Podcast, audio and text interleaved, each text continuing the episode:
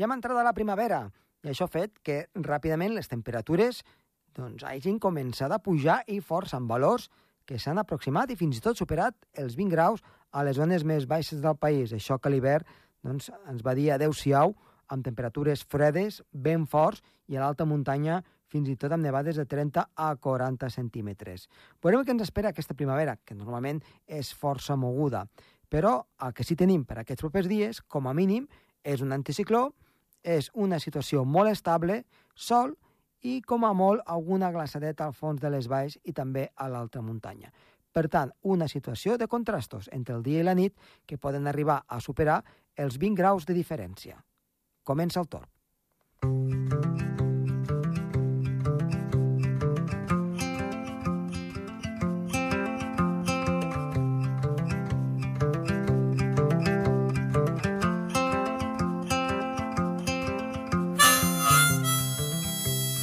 Avui tenim, en primer lloc, en Gerard Tauler, que ens parlarà justament d'aquest acabament de l'hivern, d'aquestes fredorades que ha fet tant al Pirineu com fora del Pirineu, amb gelades que puntualment doncs, han fet malbé alguns arbres fruiters, algun sembrat. Evidentment, tot això fora del Pirineu i també aquí al Pirineu amb temperatures que han estat força baixes. I d'altra banda, en Sergi Carteles ens farà un apunt sobre el que està del Dia Mundial de la Meteorologia, el passat 23 de març, en què el tema general era sobre els oceans. Som-hi!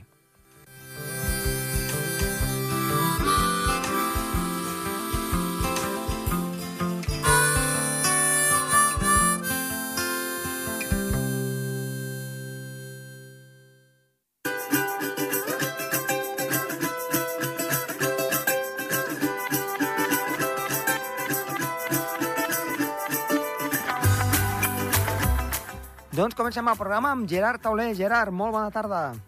Bona, bon, bona tarda. Eh, Gerard, avui la situació meteorològica tranquil·la, però venim d'una situació eh, força freda.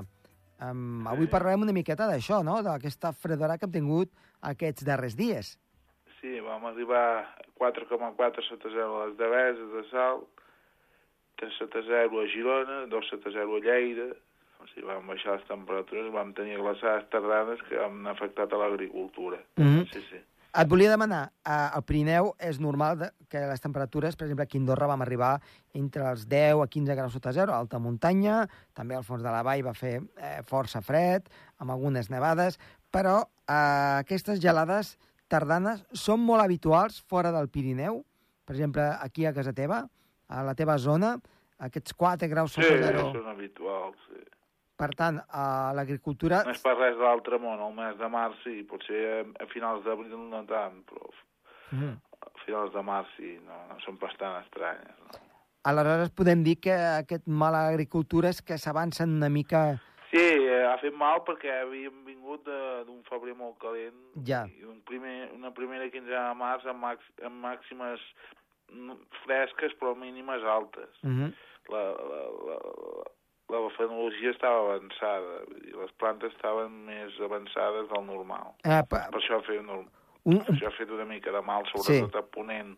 I he preguntat aquí agricultors de Girona i Rodalia, no, no m'han dit pas que hagi afectat. D'acord. les mínimes han fins i tot han baixat més al pla de Girona que pas al pla de Lleida. Uh -huh. Per tant, podem dir que eh, unes gelades dintre del que és habitual a les zones agrícoles i eh, també de que el que tu avançaves, que la fenologia eh, doncs Sí, estava una mica avançada i llavors, clar, quan venen aquestes clatellades de fred, eh, un nota més eh, l'arbre, Sí, sí, sí. sí. en aquest cas. I, la, I les nevades no, no van ser pas importants, eh? molt poc importants. Ja, ja, ho pensava, ja ho pensava, per això la setmana passada, això de les nevades, no sé...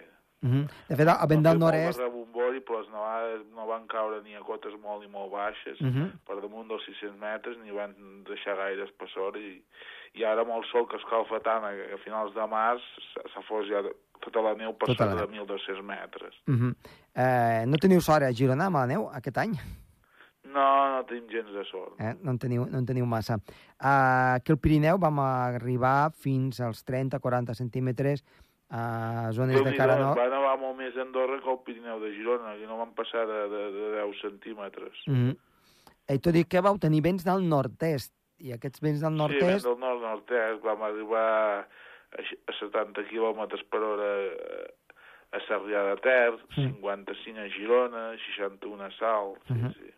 aquest, aquest vent del nord-est eh, a vegades és una Quan mica... va bufar la temperatura era Sí. positiva. Una Ja. vam tenir 6 graus de mínima perquè no va baixar, Uh -huh. no va baixar pel vent. Però quan, quan va parar el vent la temperatura va baixar en picat i, i va glaçar. És quan va glaçar, no? Va arribar a 4,4 sota 0 a les Deveses, 3 sota 0 eh, aquí a les hortes de Sant Eugeni a Sant Daniel, mig grau al centre de Sal i un grau al centre de Girona. Sí, Mm. sí. De fet, el vent del nord-est, aquí a, a la zona, diguem-ne, El més... nord-est entra més bé que la tramuntana aquí a Girona, perquè com més ve més de, del mar, no ha, no ha de superar les muntanyes, no ha de superar el Pirineu. Uh -huh. sí. I eh, una mica més humit, en, teòricament, però no, vaja, molt tampoc... Poc, molt poc humit, era molt sec. No, no era ben bé gregal, era Provença, segons en Josep Pasqual. Uh -huh. Entre nord i nord-est, nord- nord-nord-est, sí, sí. Sí. -huh. La humitat relativa va baixar 28%, era, era sec, eh, l'aire. Perquè el gregal pur sí que us afecta, us dona Sí, el precipitacions... gregal encara ens afecta més que les Provences, sí, sí. Uh -huh. La tramuntana ens arriba, però molt menys que l'Empordà. Eh, Ens afecta entre el Provençal i el Gregal, sí, sí, Mhm. sí. Sobretot si és anticiclònic, si és ciclònic no tant. Uh -huh. Sí, sí. Bé, doncs, uh, un episodi més superat i ara, doncs, a veure què, què ens Sí, espera. ara, ara es veu molt avorriment i Molt avorriment. la terrible i fortíssima sequera que tenim a nivell superficial. Sort, sort que venim de, de superar l'any passat, però és que en quatre mesos no, no ha arribat ni a ploure 70 litres al centre de Girona, vull dir, és molt poc. Esperem que la No primavera... arriba ni la meitat de la pluja, el 38%, i Sí. la previsió és de, estacional de, de, de, de, de, que, que han fet a EMET apunta que serà una, una primavera seca i càlida, per tant, Sempre no diem el sé, mateix, eh? eh, També hem de, hem de dir... atenció amb, amb els incendis a, a l'estiu. Si hi ha Sí, sí. un as de calor, la vegetació estarà rostida per la sequera. Uh -huh. No tindrem problemes d'aigua perquè els pantans estan força plens, però els incendis, perill. Uh -huh. Doncs ho tindrem ben en compte, Gerard, i moltes gràcies per aquests apunts de Meteo i t'esperem la setmana vinent. Vinga, fins la setmana vinent. Adéu-siau. Adéu, adéu.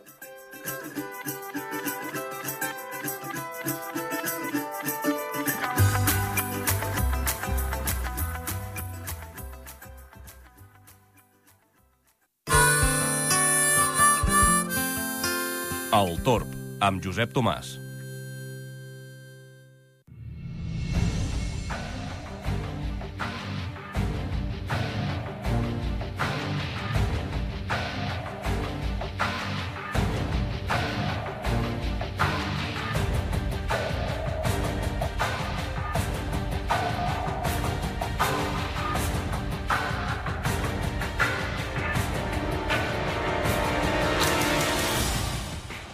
L'entrevista d'avui tenim a Sergi Càrceles. Sergi, molt bona tarda. Bona tarda. Doncs a veure, eh, avui anirem a explicar una mica, parlarem sobre el que va estar el dia 23 de març, el, el nostre Dia Mundial. Doncs sí, és el Dia Mundial de la Meteorologia. Exacte. Un dia que es va acordar que fos el 23 de març, concretament perquè va ser el dia de la creació de l'Organització Meteorològica Mundial, la OMM, a la qual doncs, té eh, la seva... bé, té com a objectiu doncs, assegurar el benestar, la protecció i la seguretat de, de tota la humanitat. És una organització mundial la qual estudia eh, tota l'atmosfera terrestre i eh, conglomera doncs, tots els experts mundials per tal de doncs, fer anàlisis de com van eh, les dècades, com van els anys i, evidentment, doncs, també, en el cas de que s'hagi de fer, s'hagi d'actuar per actuar sobre algun, algun tipus de crisi, algun tipus de fenomen extrem meteorològic, doncs, evidentment, aquest, eh, aquesta organització s'encarrega d'això. Aquesta organització, la Meteorològica Mundial, ha tingut eh, una gran importància les últimes, els últims anys, les últimes dècades, a causa del canvi climàtic, i és que ha estat una de les, eh, bé, de les impulsores de les investigacions del clima a la nostra Terra, al qual doncs, han anat investigant sobre com ha anat eh, influint aquest canvi climàtic, aquest augment de temperatures generals terrestres a casa nostra. També en el canvi de precipitacions i en el desgel dels àrtics. Uh -huh. uh, Organització Meteorològica Mundial, que naixia l'any 1950, si mal no recordo, i que, doncs bé, uh, cada any va donant un tema sobre el que és el Dia Mundial de la Meteorologia. Fixa't tu que tot va juntet, eh? perquè el dia 22 és el Dia Mundial de l'Aigua, el 23 és el Dia Mundial de la Meteorologia, i justament el 19, 20, 21, 22, depèn una mica de l'any, no? És quan eh, canviem de l'hivern a la primavera, que reneix tot una mica. Eh, doncs sí. Dades molt ben escollides, si més no. Eh, doncs sí. I aquest any doncs, ha, ha tingut relació eh, el, el dia 22 amb el 23, perquè el Dia Mundial de l'Aigua, després el dia 23, aquest any mm, va estar dedicat a als oceans, el temps atmosfèric i el clima que ens envolta, si, si no recordo malament. Aquest era el lema, doncs sí. o, o molt similar, no? Doncs sí, i a part, eh, els oceans i al final, vulguem o no, l'aigua és el component eh, bàsic en la nostra meteorologia, un sí, element el qual no només permet la vida a, al planeta Terra, sinó també és el causant de la gran majoria de fenòmens meteorològics que podem viure dia a dia. Sense anar més lluny, els núvols eh, són gràcies a l'aigua, a l'H2O, que tenim al nostre planeta, el planeta Terra, i també als oceans, aquesta gran massa d'aigua que, doncs, evidentment, eh, doncs és el que conforma el 70% del planeta Terra i que és molt important pels nostres ecosistemes. Generalment, sí. perquè també la gran majoria de núvols o, diguem, eh, depressions, borrasques, etc., es formen a sobre dels oceans, que és el lloc on hi ha més humitat, on es crea més convecció, i al final aquestes pluges es desplacen cap a l'escorça terrestre, cap a, cap a l'interior, i precipita. Al final ja sabem de que el cicle hídric de l'aigua a vegades es veu eh, en els llibres així, mm -hmm. de mhm. primària i secundària mm -hmm. com el mar eh, és un component eh, principal en aquest cicle d'aigua que dels mars, dels oceans, es desplacen cap a les muntanyes, es creen els rius i els llacs i aquesta aigua torna al mar per així completar el cicle i anar proveint d'aigua a tots els éssers vius. Sí, tenim aquí el, el cicle hidrològic, que és molt important, el que tu deies, eh? evidentment, eh, excepte el vent, eh, que és doncs, l'aire en moviment, no? Però, clar, aquest aire també té una certa component amb un grau d'humitat i, per tant, ja va intrínsec que hi hagi aigua en aquest aspecte.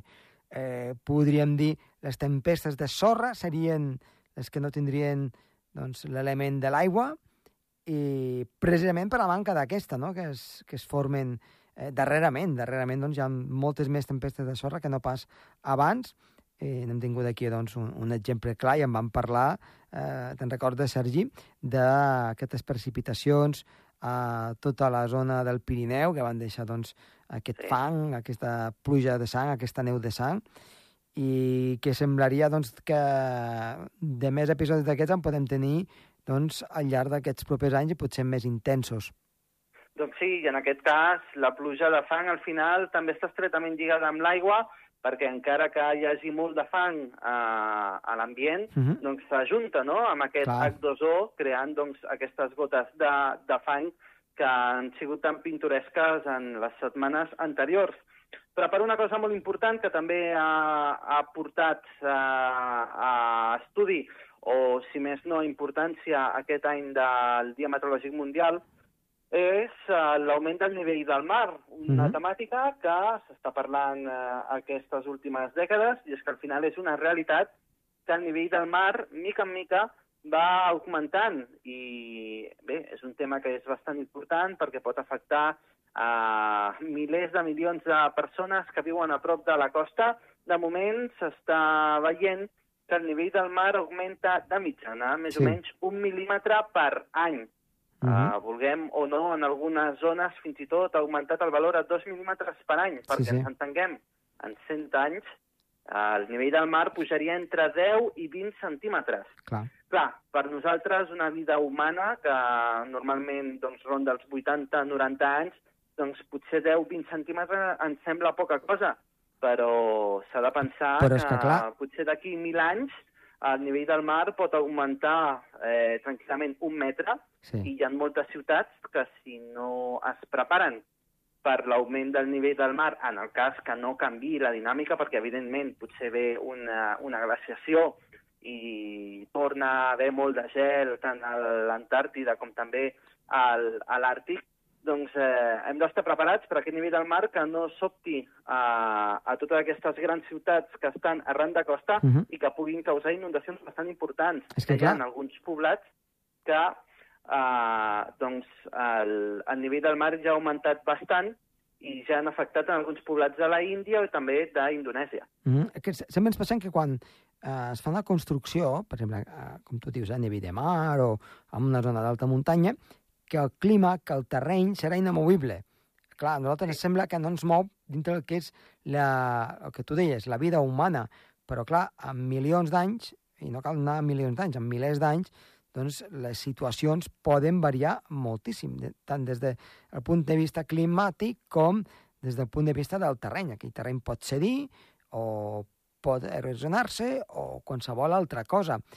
I potser s'han fet moltes ciutats massa a, a nivell, a cota zero de nivell del mar, i clar que el nivell del mar no és mai estàtic, sempre és, sempre es mou més o menys. Eh, el mateix passaria si baixés massa al nivell del mar. Imagina't el problema de totes les zones portuàries si el nivell del mar anés baixant. Els Doncs sí. desastres econòmics que també hi hauria, clar. Llavors volem mantenir aquest nivell del mar estàtic, i això és pràcticament impossible. I mira, per, per acabar aquesta temàtica, no només és l'augment del nivell del mar, sinó que l'escorça terrestre també està en permanent moviment. I, per exemple, uh, un país com Suïssa, que és Mm. completament de muntanya, no té res de mar, No, clar. que cada any està sent un centímetre més alt, està Mhm. creixent, se'ns està fent alt Suïssa, i de mitjana eh, està pujant un centímetre per sobre del nivell del mar, cada any. Realment és, eh, estem pensant que d'aquí 100 anys doncs eh, Suïssa serà un metre més elevat de Més elevat, mitjana que, que, que ara mateix. I, per exemple, a Nova York també s'està veient que, en canvi, s'està fent petita. I és que cada any està baixant aproximadament 5 mil·límetres eh, sobre el nivell de, del mar. O sigui que Mhm. cada cop s'aproxima més a cota zero.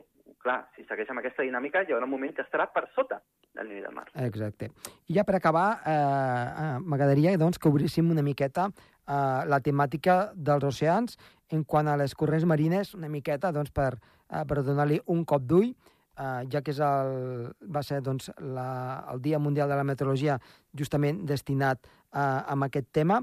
Eh, veritablement ara s'ha dit darrerament que la influència dels oceans és molt important a l'atmosfera. M'agradaria demanar-te què en penses tu exactament, perquè hi ha uns últims estudis que diuen que la corrent del Golf doncs sí que és important, però que molta de la calor latent doncs, eh, també, encara que estigui als oceans, també a l'atmosfera hi és. I, per tant, eh, aquesta interacció atmosfera-oceà eh, de vegades no està tan clara.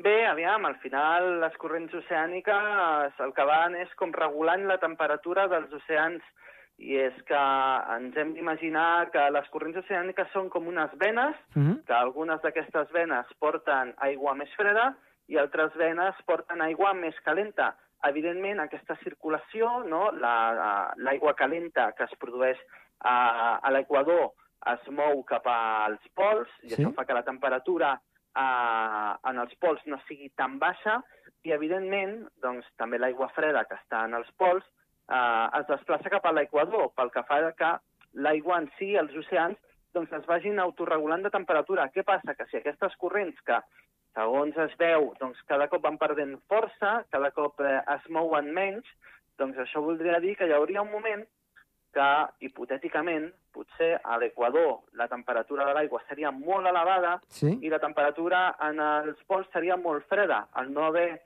corrents oceàniques, el que sí que afectaria greument seria a l'ecosistema marítim. Mhm. I és que al final doncs, les corrents no només porten aliment a molts tipus de peixos i d'animals marítims, sinó també que oxigenen, oxigenen l'aigua a, a, bé, a superfície o almenys a profunditat bastant eh, de superfície i fa de que els eh, peixos, molts peixos i moltes plantes marines, uh -huh. doncs puguin viure. Així que s'ha d'estudiar més això de les corrents oceàniques, veure realment què és el que està passant i com podem evitar que aquestes corrents vagin perdent força, perquè al Bé, final és això- bastant important per l'ecosistema marítim.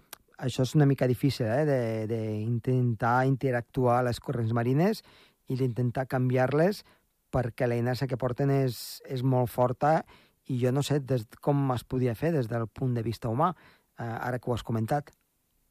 Bé, una de les gràcies de la meteorologia, i jo crec que una de les més importants, és que és de les eh, poques ciències que ja queden avui en dia en què l'ésser humà és completament, eh, doncs, eh, bé, no pot fer-hi res, no pot fer-hi res, i, i eh, estem, doncs, eh, molt exposats, no?, a, al que passi meteorològicament amb la, amb la natura. Nosaltres no podem controlar, de moment, Uh -huh. eh, els núvols, no podem controlar tampoc les hores de, de sol, i al final és una de les gràcies d'aquesta ciència, no? que és una de les poques que ja existeixen a les quals l'ésser humà no tingui una influència directa. Uh -huh. El que sí que podem fer és predir què pot passar i preparar-nos per a aquest futur. Això de predir, doncs, espero que cada vegada ho anem fent millor, que és el que, que, és el que ens toca a nosaltres.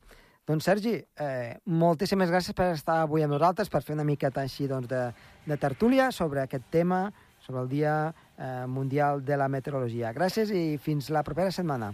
Que vagi molt bé. Adéu-siau.